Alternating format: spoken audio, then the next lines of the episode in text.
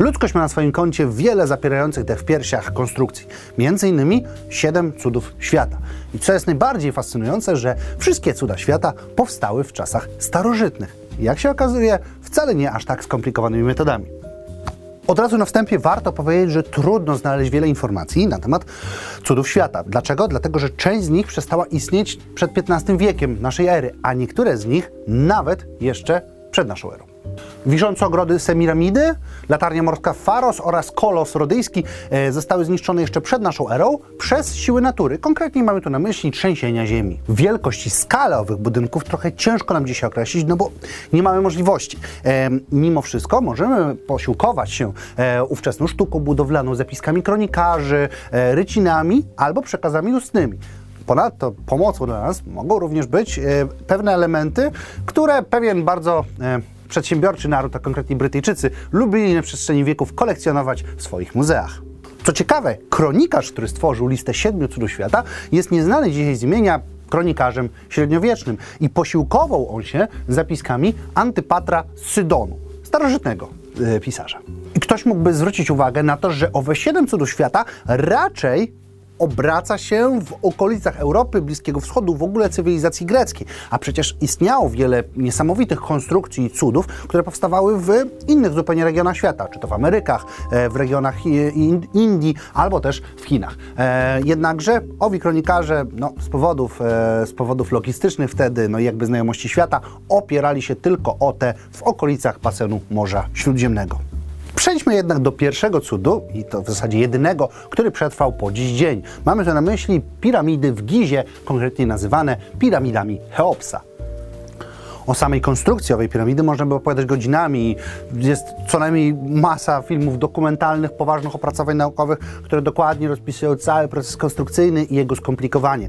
E, warto powiedzieć, że pracowało przy nich tysiąc, przy, przy nich, przy konstrukcji owych piramid, tysiące pracowników i wbrew obiegowej opinii nie byli to wcale niewolnicy, tylko dobrze opłacani i wykwalifikowani rzemieślnicy. Dokładność, z jaką zbudowano piramidy jest zadziwiająca nawet teraz.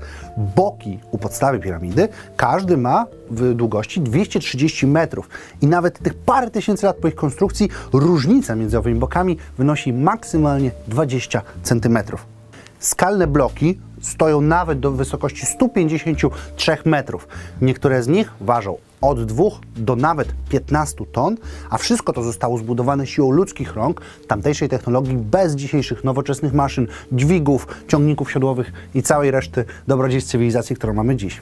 Nic dziwnego, że budynek nazywany jest cudem, a niektórzy wierzą nawet, że przy pomocą przy ich konstrukcji musiały być jakieś nadprzyrodzone moce. Oczywiście piramidy cały czas skrywają wiele tajemnic, które nieustannie badane są przez naukowców, jednakże sama konstrukcja była dziełem ludzkich umysłów i ludzkich rąk i bardzo sprytnego wykorzystania praw fizyki, które dziś są dla nas powszechnie znane, a wówczas były naprawdę niesamowitym wyczynem ludzkich umysłów i woli. Piramida, pomimo tego, że wbrew opisom kronikarzy nie jest już dzisiaj pięknym, błyszczącym stożkiem, przetrwała w swoim życiu wiele, głównie rabunków, ale przetrwała e, i cały czas daje wyraz swojemu geniuszowi i e, niesamowitości.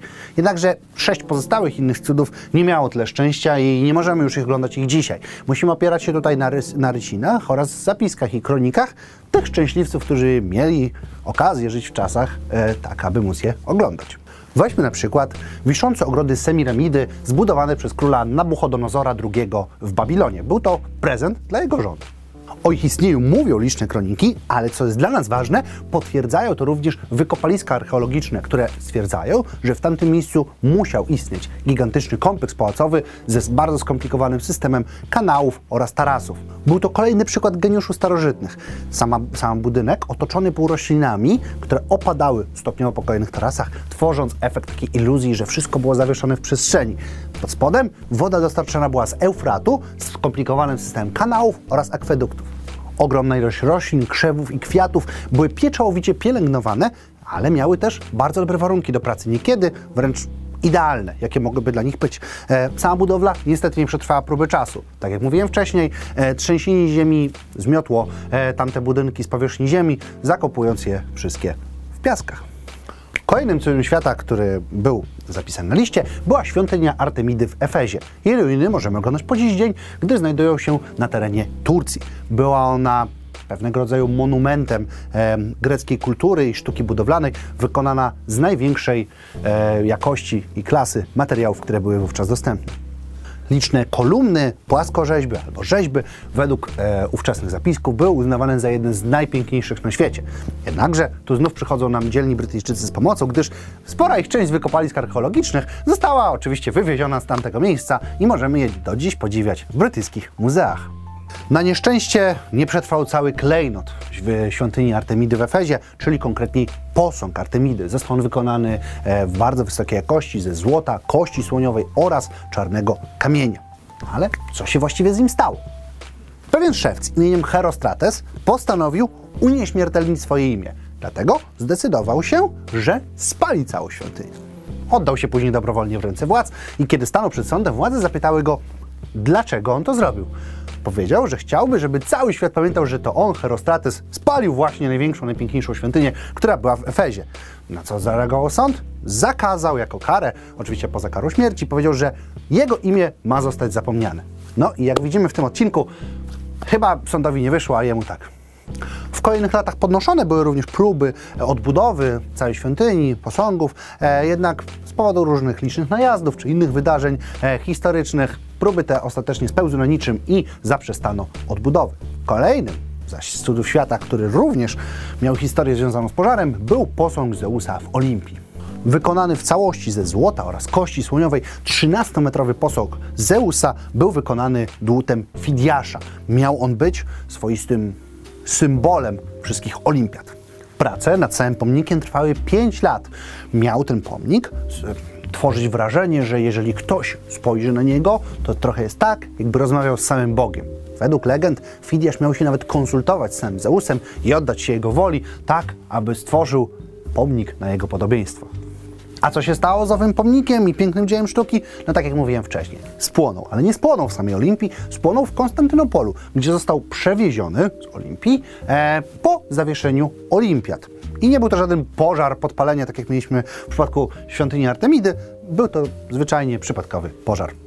O cudach świata można długo opowiadać, no ale chciałbym tutaj przejść teraz do dwóch kolejnych, które łączy bliskość do morza, czyli mam tu na myśli latarnię morską Faros oraz Kolosa Rodyjskiego. To, co wzbudzało niesamowity podziw w tamtych czasach, była ich niesamowita wielkość, konkretnie chodzi o wysokość. Kolos był 32-metrowym posągiem z brązu. Co ciekawe, statua wolności bez nie licząc jej cokołu, e, liczy powyżej 40 metrów, więc był o 10 metrów e, niższy od samej istniejącej do dzisiaj Statuły Wolności. Żeby zobrazować, był on mniej więcej w wysokości 10-piętrowego bloku. I tak jak mówiłem e, na początku, runął on w morze właśnie z powodu trzęsienia ziemi oraz błędów konstrukcyjnych. Jak rozumiemy owe błędy konstrukcyjne? Ano tak, że mm, jako wypełnienie samego kolosa zostały użyte glina oraz żelazo, których starożytni mogli wiedzieć, że niezbyt dobrze znosiły one bliskość z morzem. I tak kolos, który pięknie wprowadzał nas do portu rozkrokiem, runął w morze i co ciekawe, kilka wieków zajęło wyłowienie go z tego morza, po prostu tam leżał, no i ostatecznie został przerobiony na złom. Z kolejnych dużych morskich konstrukcji, o których, albo nadmorskich konstrukcji, o których mówiliśmy, jest latarnia morska. Latarnia morska Faros. Mierzyła ona 120 metrów i na tamte czasy, jeszcze bardzo długo, była najwyższym budynkiem na świecie. Jest ona doskonale opisana przez arabskich podróżników i uwieczniona została w wielu e, różnorakich miejscach, między innymi nawet na monetach. Raz jeszcze trzęsienie ziemi okazało się być mordercze dla tak wysokiej budowli, która runęła do morza. Ale żeby może nie kończyć aż taką negatywną i pesymistyczną nutą, została nam jeszcze jedna budowla, czyli mauzoleum w Halikarnasie budowla nekropolia. Ozdobione było one licznymi rzeźbami i kolumnami, a samo mauzoleum w Halikarnasie stało się inspiracją dla wielu tego typu budynków na całym świecie. Po nadszarpnięciu przez ząb czasu samej konstrukcji, e, budynek został rozebrany przez Joanitów, rycerski zakon, no i surowiec z tej rozbiórki został wykorzystany do umocnienia ich fortyfikacji. Jednak w 2017 roku podjęta została decyzja o odbudowie owego mauzoleum, gdyż udało się znaleźć wystarczającą ilość środków, źródeł i materiałów, aby móc to zrobić. To historia wszystkich siedmiu klasycznych cudów świata. Oczywiście nie bierzemy tutaj wielu innych cudów świata, które są niesamowitym wyczynem ludzkiej woli, determinacji i zaangażowania. Weźmy na przykład mur chiński, e, Burj Khalifa, e, czy wiele, wiele innych A jak wy sądzicie, e, które dziś budynki albo konstrukcje ludzkie zasługują na miano cudu świata? Dajcie znać w komentarzu. Ja wam, moi drodzy, bardzo serdecznie dziękuję. Zapraszam was w każdy piątek o godzinie 17. Zapraszam również do kolejnego odcinka. Możecie odsłuchać jako, Insta na, o, jako podcast, a i zapraszam również na Instagrama. Cześć!